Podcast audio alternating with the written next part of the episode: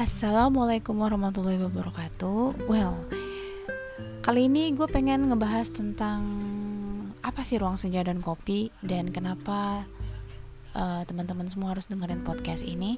Karena sebenarnya ruang senja dan kopi ini tadinya adalah sebuah uh, wadah buat gue pribadi untuk mencurahkan hati gue dalam bentuk karya gitu terus uh, pengalaman-pengalaman hidup yang dikemas dengan uh, apik sehingga bisa uh, gue share ke banyak orang dan gue sih berharapnya bisa bermanfaat gitu buat banyak orang tapi yang pastinya buat teman-teman semua yang dengerin podcast ini bahwa ruang senja dan kopi bukan cuma soal pengalaman gue pribadi tapi pengalaman banyak orang yang pastinya gue share di sini dan apa ya bermanfaat gitu loh untuk bisa kita kaji, kita pahami, kita renungkan dan yang pastinya bisa membuat hidup kita jadi lebih baik.